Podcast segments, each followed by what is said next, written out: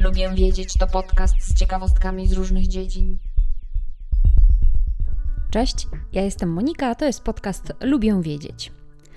Ostatnio o przytulaniu pisał Dawid na swoim profilu instagramowym BiotechGeek. Link do jego profilu znajdziecie w notatkach do tego odcinka. Dawid bardzo często pisze o ciekawostkach naukowych, no i właśnie dlatego go obserwuję.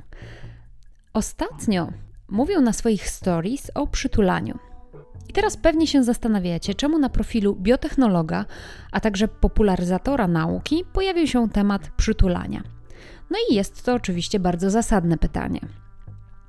Ja o badaniach dotyczących korzyści z przytulania też jakiś czas temu czytałam, ale chętnie dziś powiem o tym szerzej w podcaście.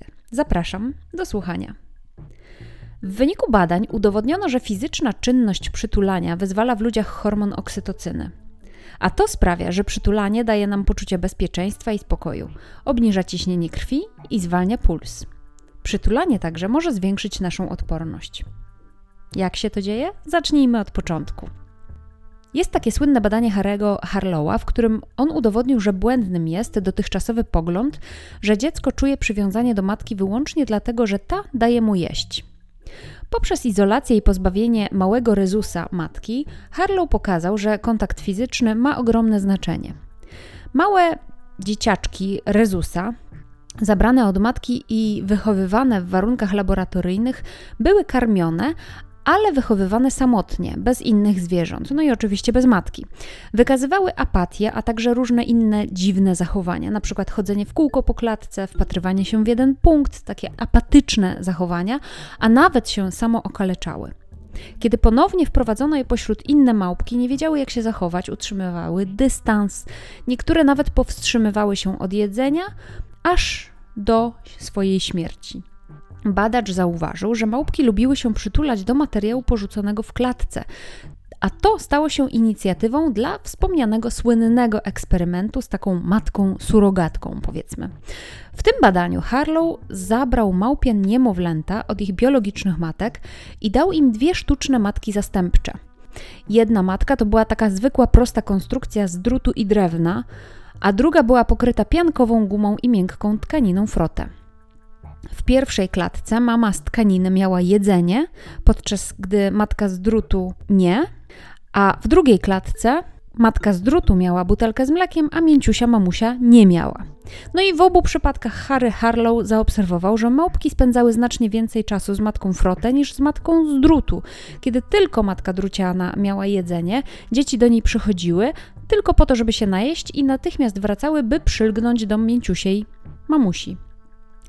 Także wtedy, kiedy zmieniano warunki w klatkach, pokazywano nową głośną zabawkę, małpki ze sztuczną mamą potrafiły znaleźć odwagę, ze sztuczną tą miękką mamą, potrafiły znaleźć odwagę, żeby podejść do zabawki, natomiast te bez szmacianej mamy paraliżował strach. To doświadczenie pokazało, jak ważny jest dotyk u naczelnych. W ogóle skóra jest naszym największym organem, więc zmysł dotyku jest bardzo istotny dla ludzi, choćby ze względu właśnie na tę płaszczyznę, na której możemy go doświadczać. Za pomocą skóry, a precyzyjniej za pomocą zmysłu dotyku, możemy doświadczać nacisk czy też wibrację, temperaturę, swędzenie oraz ból. Historycznie badacze uważali, że zmysł dotyku pełni jedną rolę, tak zwaną rolę rozróżniającą. To znaczy przypisywano mu rolę w wykrywaniu, rozróżnianiu i identyfikacji bodźców zewnętrznych w celu podejmowania szybkich decyzji do kierowania dalszym zachowaniem. Większość badań naczelnych nad przetwarzaniem sensorycznym skóry koncentrowała się głównie na gładkiej powierzchni dłoni, a w szczególności na palcach.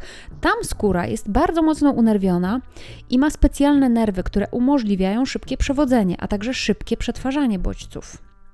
Jednak taka gładka skóra z tymi szczególnymi komórkami nerwowymi występuje tylko na powierzchni podeszew stóp oraz na powierzchni dłoni.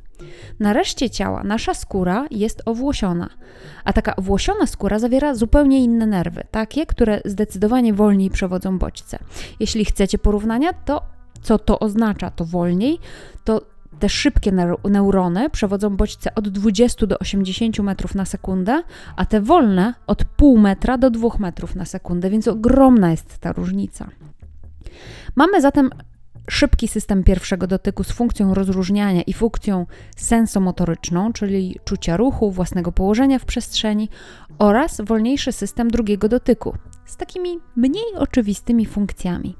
I to właśnie ten drugi system dotykowy będzie odgrywać rolę w dzisiejszym podcaście, bo według stanu dzisiejszej wiedzy ten drugi system dotyku pozwala nam czerpać przyjemność z dotykania się. Niektórzy badacze uważają, że dzięki przytulaniu i innym rodzajom dotyku nasz organizm wydziela hormon zwany oksytocyną.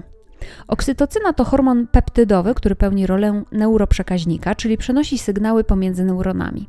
Poza tym, że pełni bardzo ważną rolę podczas porodu i karmienia, to oksytocyna jest uwalniana nie tylko u kobiet.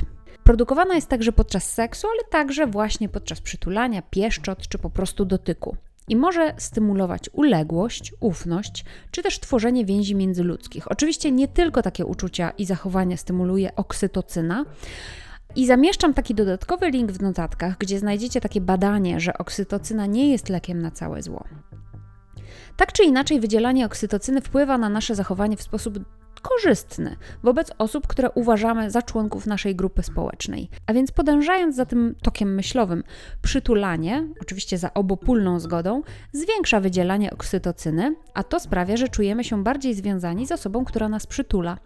To znaczy partnerem czy na przykład innym członkiem rodziny. Naukowcy są zgodni również co do tego, że wydzielanie oksytocyny zmniejsza odczucie strachu i niepokoju. Nie są wprawdzie zgodni, jaki dokładnie mechanizm za tym stoi, ale co do samej istoty zmniejszania lęków, już jak najbardziej. Prawdopodobnie oksytocyna hamuje działanie ciała migdałowatego, które uważa się za odpowiedzialne za reakcje lękowe. No i wraz ze zmniejszaniem lęku, wydzielanie oksytocyny obniża ciśnienie krwi, zwalnia puls, a nawet zwiększa się odporność naszego organizmu, no bo większy stres to większa podatność na zachorowania, a mniejszy stres, no to mniejsza, wiadomo, podatność na zachorowania.